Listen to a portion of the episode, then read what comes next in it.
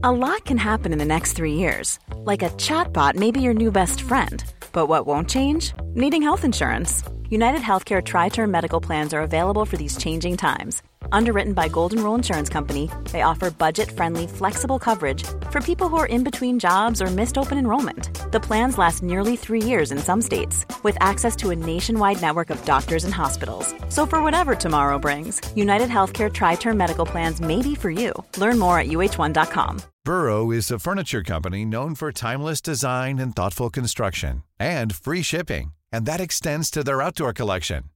Their outdoor furniture is built to withstand the elements, featuring rust-proof stainless steel hardware, weather-ready teak, and quick-dry foam cushions.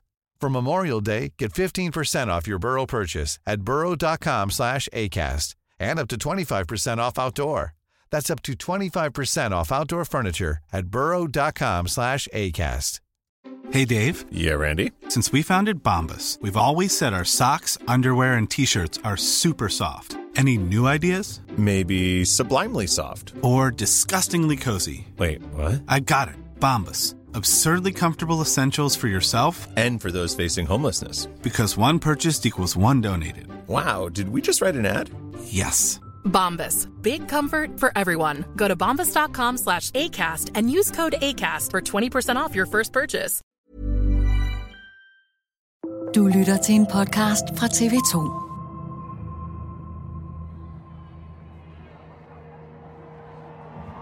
De kommer ligesom i bølger ned ved det hvide hus, de her demonstranter. De er ligesom organiseret i grupper, som kommer måske fra forskellige stater. Og så pludselig så hører jeg sådan en lille barnestemme i en megafon, som råber Free Palestine! Og så råber de voksne, Free Palestine. Og så ser jeg hende, og hun sidder på skulderen af sin far, og hun er altså ikke meget mere end fire år. Så det er en bevægelse, en pro-palæstinensisk bevægelse, som virkelig har hævet mange af huse. Det er familier med små børn, det er unge, det er gamle. Men den der sådan helt barnlige stemme, som pludselig råber sådan et meget, meget politisk slogan, det er også noget, jeg husker.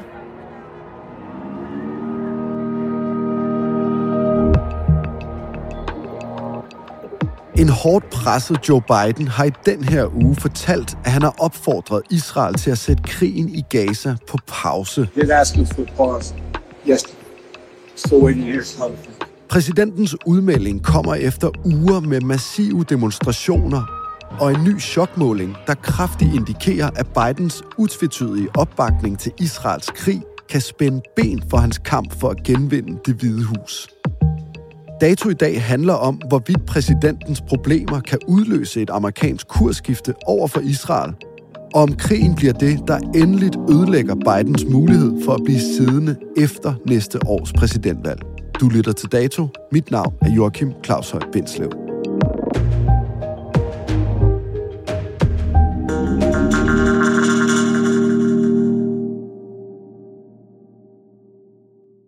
Har I styr på lyden derovre i Miami, Lotte, hvor du er korrespondent lige nu? Det er lidt svært, lad os sige det sådan. øh, Vi øh, kæmper med ledninger og det ene og det andet og det tredje, men nu satser vi på efter 40 minutters optakt, at vi kan gå i gang. Ja, vi har virkelig kæmpet. Vi må have en øh, proces for det her fremover. Ja, det må vi. Lotte, du er jo en rutineret korrespondent og journalist, men du er alligevel helt sprød, når det kommer til USA. Du er lige flyttet til for at dække det land. Lotte Mejlhed, du øh, befinder dig i en del af, DC, hvor der altså øh, er folk, der Hvad er dit første indtryk af USA, du lige er landet i? sådan som vi så her, en Åh, oh, det er virkelig et godt spørgsmål, Joachim. Og hvor svarer man sådan? Det gør man, når man ikke ved, hvad man skal give dig af, af svar. Hvad er jeg landet midt i? Jeg er landet i et USA, som pludselig for første gang i rigtig lang tid, tror jeg, for du siger selv, at jeg er sprød, så det er noget, der er min egen mavefornemmelse. Lige nu er landet splittet udenrigspolitisk på grund af krigen i Israel, og det kan have betydning for, hvem der vinder det næste præsidentvalg. Så det er meget spændende tider. Hvordan vil du bedst beskrive opbakningen til krigen i Israel lige nu i USA? Så skal man gå ind og beskrive den på forskellige niveauer. Der er den officielle opbakning, som du hører både præsident Biden udtale og udenrigsminister Blinken udtale. Og det er det her med, Israel har en pligt og en ret til at forsvare sig selv. Vi støtter Israel, så længe det overhovedet er nødvendigt, det vil sige for evigt. Vi støtter Israels ret til at bekæmpe terror. En temmelig entydig støtte til Israel, i hvert fald officielt. Går man så ud på gaden og taler med folk, og oplever de her kæmpe demonstrationer, som er foregået i rigtig mange store byer i USA. Senest lørdag i D.C., hvor 10.000 var på gaden, så får man en helt anden opfattelse af opbakningen. Der har også været aktivister, der har afbrudt udenrigsminister Anthony Blinkens tale under et udvalgsmøde. committee will suspend, and I again ask that those in the audience respect the people in the room and allow us to continue the hearing. The hearing will suspend until the uh, disruption is removed. Hvis du sådan skal riste helt stramt op, hvordan adskiller den officielle opbakning så fra den folkelige opbakning til krigen i Israel? Hvis man skal kigge på det demokratiske parti, og det er jo det, vi taler om nu, så er der kommet et kæmpe kløft mellem top og bund, mellem politikere og vælgere. Og det er det, der er problemet. Politikerne, som stadigvæk, i hvert fald officielt, støtter Israel meget helhjertet, og så i vælgerhavet, hvor flere og flere siger, det her, det kan vi ikke leve med. Vi bliver nødt til at være langt mere nuanceret i vores syn på det, der foregår i Israel og Gaza. Og det er, siger de, et folkemord, det der foregår i Gaza. Jeg går en tur fredag i sidste uge i et solbeskinnet DC og kommer så ned til Freedom Plaza. Og så ser jeg, at der er nogen, der er ved at lave sådan nogle kister med sort papir. Og der er nogen, der er ved at sætte banner op, og så spørger jeg, hvad er det, der skal foregå? Ja, vi skal have en kæmpe pro-palæstinensisk demonstration i morgen, og vi går ud fra, at det bliver den største næsten i historien. Der kommer folk fra alle mulige stater, for vi er så farvet over det, der foregår. Okay, tænker jeg så. Den må jeg ned og observere, den må jeg ned og se. Og øh, flere timer før demonstrationen så den rigtig går i gang, så er der allerede tonsvis af mennesker på den her Freedom Plaza, som jo heller ikke er valgt helt tilfældigt, fordi de her mennesker går ind for et frit Palæstina, mange af dem. Og samtidig så ligger øh, Freedom Plaza tæt på det hvide hus. Så i løbet af en time, så strømmer det til med folk. Først tænker jeg, okay, der kommer ikke nær så mange, som de her arrangører har sagt. De har sagt minimum 30.000, måske helt op mod 100.000. Men så skal jeg love for, i løbet af en time til to, så strømmer det bare ind med mennesker fra de omkringliggende gader. Og det er alle mulige folk, der er der. Der er både palæstinensere, der er folk, der går ind for, at Israel slet ikke skal oprettes. Der er kristne, som går ind for, at alle civile liv og alle skal kunne være og leve i den her verden i fred og fordragelighed. Og så er der også nogen, som er meget rasende over det, der foregår. Why children's? Why women's? Why hospitals? Why school? Why reporter? Why they killing them? What are you killing them for? Og som råber, at Biden han skal skamme sig. I am in solidarity with the Palestinians. And I think what's happening right now is just shameful. Og det, han er med til nu, det er direkte folkemord. Så en meget, kan du sige, animeret gruppe, som alle sammen kæmper for, at det, der foregår i Gaza lige nu, ikke skal foregå. Altså, de synes simpelthen, det er utilstedeligt. Hvad råber de her mennesker, og hvad står der på de skilte, de har? De råber, shame on you, shame on you, altså skam dig, Biden. Og de råber, the occupation has got to go, oh hey, oh ho, the occupation has got to go. Det vil sige, altså besættelsen, øh, den israelske besættelse af Palæstina skal stoppe.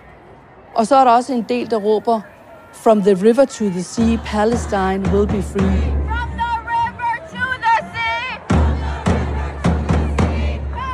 Og når man råber det, så har det den betydning, at man sådan set mener, at Israel slet ikke skal eksistere. Det er voldsomme råb, og også nogle råb, som jeg ved, at en del jøder virkelig er bange for.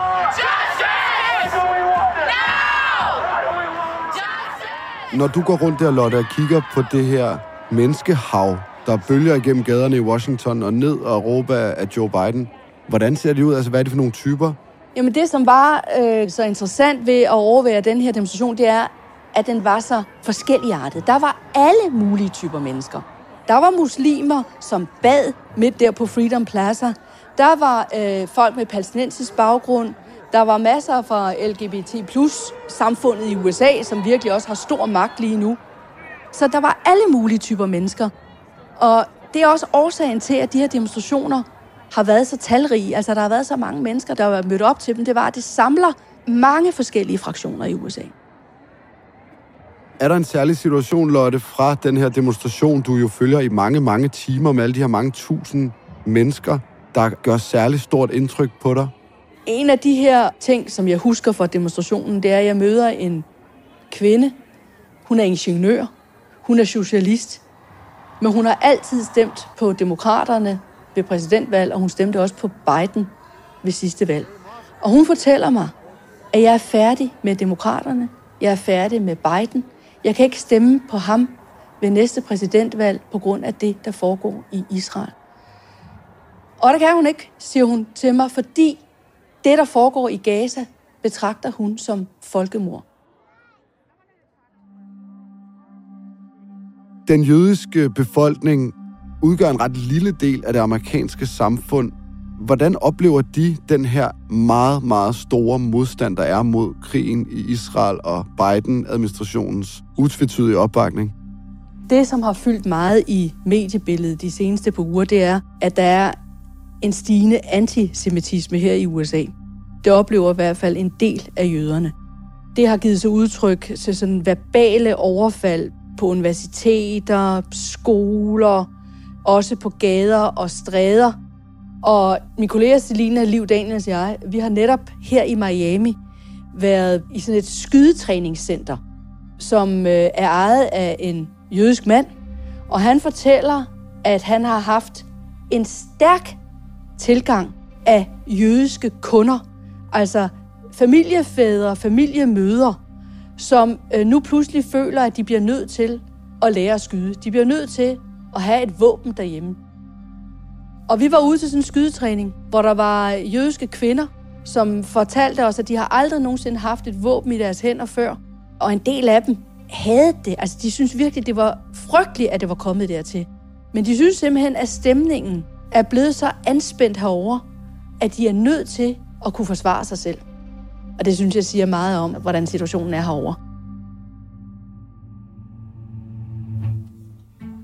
En ny meningsmåling sætter i weekenden Joe Biden under fornyet pres. You can see in five of the six, they have Donald Trump ahead, including... I målingen taber Joe Biden nemlig stort i fem ud af de seks altafgørende svingstater til Donald Trump, der lige nu ligner hans modkandidat til valget næste år. Den her meningsmåling, der kommer i weekenden, hvor stor en bombe er det under præsident Biden? Det den viser. Det er en kæmpe bombe. Og det er virkelig bekymrende læsning fra ham og hans folk.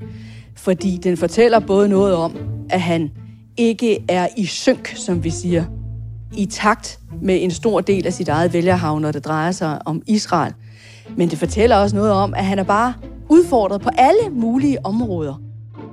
Selvom den amerikanske økonomi sådan set går udmærket for tiden, så får han ikke credit for det i meningsmålingen. Der siger folk stadigvæk, nej, mens Biden han har været præsident, så har jeg fået det værre, varerne er blevet dyrere, min huslån er blevet dyrere. Og så er han også op mod sin egen alder.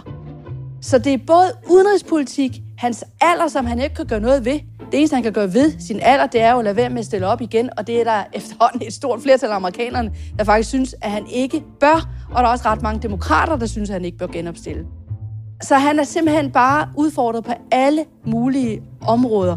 Så hvis jeg var tæt på Biden og hans administration, så ville jeg godt nok rive mig selv i håret og tænke, okay, hvad skal vi lige gøre? Hvad skal vi lige gøre for at forvente skuden her? Jeg ved, Lotte, at du ser en kobling, en sammenhæng mellem den her helt skrækkelige måling for Biden og hans folk, og det, der foregår i Gaza og Israel lige nu. Hvad er det? Det er jo blandt andet det her, når du kigger på svingstaterne, og det er jo det, man altid skal gøre, når man øh, skal have afgjort, hvem det er, der kommer til at vinde det næste præsidentvalg. Og i en hel del af de her svingstater, der fører Trump nu, og det var svingstater, som Biden vandt meget knepen ved sidste valg. Og en af årsagerne til, fortæller målingen, at han har tabt de her svingstater, det er blandt andet på grund af krigen i Israel, hvor en stor del af de muslimer, der bor i de her svingstater, er ude at sige og tage afstand fra Biden og sige, at vi stemte på dig sidst, vi kan ikke stemme på dig nogensinde igen. Og det kan blive et kæmpe problem for ham. Så helt konkret kan du læse på tallene, at krigen i Israel har betydning for hans chancer for at blive ved med at skulle bo i det hvide hus efter næste valg.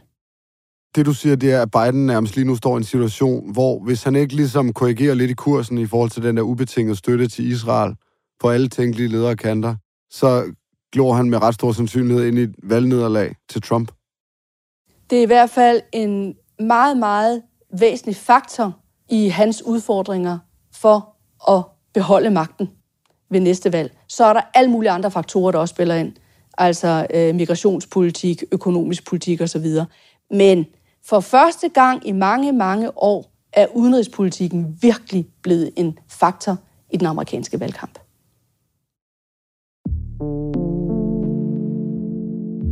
Ifølge tænketanken Pew Research Center bor der godt 8 millioner jøder i USA.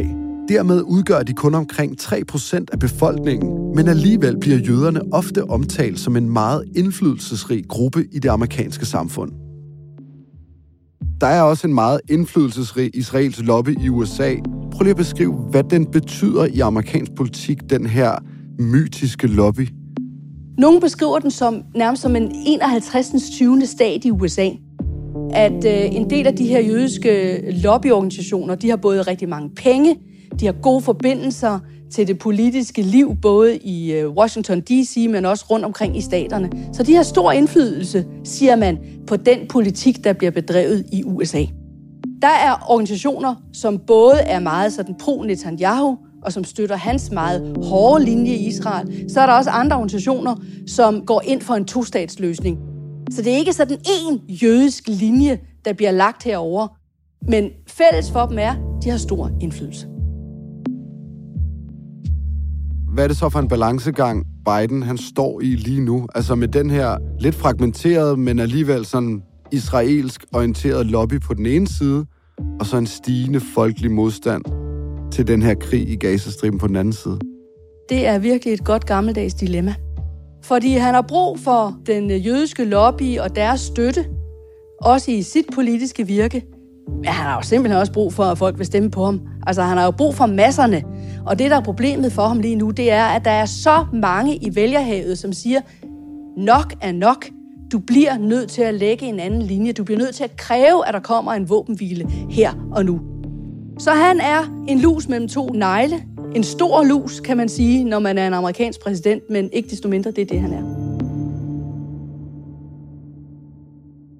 I den her uge, der kommer det frem, at Joe Biden han har opfordret Netanyahu, altså premierministeren i Israel, til at holde en tre-dages pause i kampene i Gaza. Men han stiller ikke nogen hårde krav. Hvis Biden nu kræver det, kan han så ikke godt sørge for, at israelerne skruer ned for de her bombardementer? Svaret må jo nok være nej, for Israel er et selvstændigt land, og Israel bestemmer jo selv, hvordan Israel vil agere militært. Han kan selvfølgelig trække sin støtte, men det kommer ikke til at ske, for så skal han lave om med hele historikken i forhold til Israel og USA, og det kommer ikke til at ske. Det er så fasttømret, og har været det altid. Men han kunne ikke sætte øhm, tommelskruerne på Biden og sige, prøv at høre venner, lige nu, det er uholdbart, det der foregår, opbakningen til mig og alle mulige andre, der ligesom hjælper jer, den smuldrer, fordi det er for voldsomt, det der foregår. Jo, men vi aner jo heller ikke, hvad det er, der bliver sagt uden for kameraernes søgelys, hvad der bliver sagt uden for referat. Der er ingen tvivl om, at man forsøger fra amerikansk side at presse israelerne så meget, som man overhovedet kan, sådan at den her konflikt ikke eskalerer yderligere, både at bliver en stor regional konflikt, men altså også, at det bliver værre og værre, det der foregår i Gaza. Så man forsøger at presse, og man beder Israel om, i højere grad, end man har gjort tidligere, om at skelne mellem jagten på terrorister, og så det, at man rammer civile. Så der er et amerikansk pres på israelerne. Det er også større, end det bliver officielt udtalt. Men i sidste ende er det Israel, der selv bestemmer. Hvis nu Biden kigger på det her helt koldt og kynisk og ligesom skal lave sin kalkyle, hvad giver ham så de bedste muligheder for at vinde præsidentvalget næste år? Oh, det er et spørgsmål, det faktisk er fuldstændig umuligt at svare på. For kigger du i den her måling, vi har talt om, så er han jo udfordret på alle mulige områder. Det, der ville hjælpe selvfølgelig, det var, hvis han her nu kunne få indført en våbenhvile i Israel. Men spørgsmålet er, om skaden er sket i forhold til vælgernes tiltro til ham på det her punkt. Fordi der er så mange, der er omkommet i Gaza lige nu. Så han har et kæmpe problem. Hører jeg dig sige, Lotte, at nærmest lige meget, hvordan man vender og drejer det, så er det, der sker i Israel lige nu og i Gaza, som oprører millioner af mennesker verden over, det er en tabersag lige meget, hvordan Joe Biden håndterer den. Lige nu er det i hvert fald en tabersag. Og så ved jeg jo godt, at du som korrespondent i et land som det her over skal passe virkelig meget på med at forudse fuldstændig, hvad der vil ske om et år. Meningsmålingerne kan vise sig at være skæve. Der kan ske andre ting, som pludselig gør, at fokus retter sig et andet sted. Men ser du på en situation her og nu, så ser det skidt ud for Biden. Lotte, tak fordi du var med fra USA. Selv tak.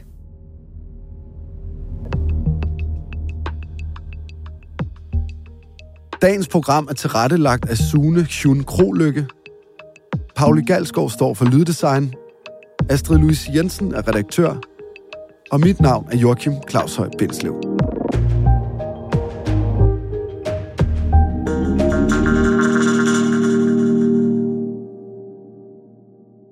Du har lyttet til en podcast fra TV2. Hi, I'm Daniel, founder of Pretty Litter. Cats and cat owners deserve better than any old-fashioned litter. That's why I teamed up with scientists and veterinarians to create Pretty Litter. Its innovative crystal formula has superior odor control and weighs up to 80% less than clay litter. Pretty Litter even monitors health by changing colors to help detect early signs of potential illness. It's the world's smartest kitty litter. Go to prettylitter.com and use code ACAST for 20% off your first order and a free cat toy. Terms and conditions apply. See site for details. Planning for your next trip? Elevate your travel style with Quince. Quince has all the jet setting essentials you'll want for your next getaway, like European linen, premium luggage options, buttery soft Italian leather bags, and so much more. And is all priced at 50 to 80% less than similar brands. Plus, Quince only works with factories that use safe and ethical manufacturing practices. Pack your bags with high-quality essentials you'll be wearing for vacations to come with Quince. Go to quince.com slash pack for free shipping and 365-day returns. When you make decisions for your company, you look for the no-brainers. If you have a lot of mailing to do, stamps.com is the ultimate no-brainer. Use the stamps.com mobile app to mail everything you need to keep your business running with up to 89% off USPS and UPS. Make the same no-brainer decision as over 1 million other businesses with stamps.com. Use code PROGRAM for a special offer. That's stamps.com, code PROGRAM.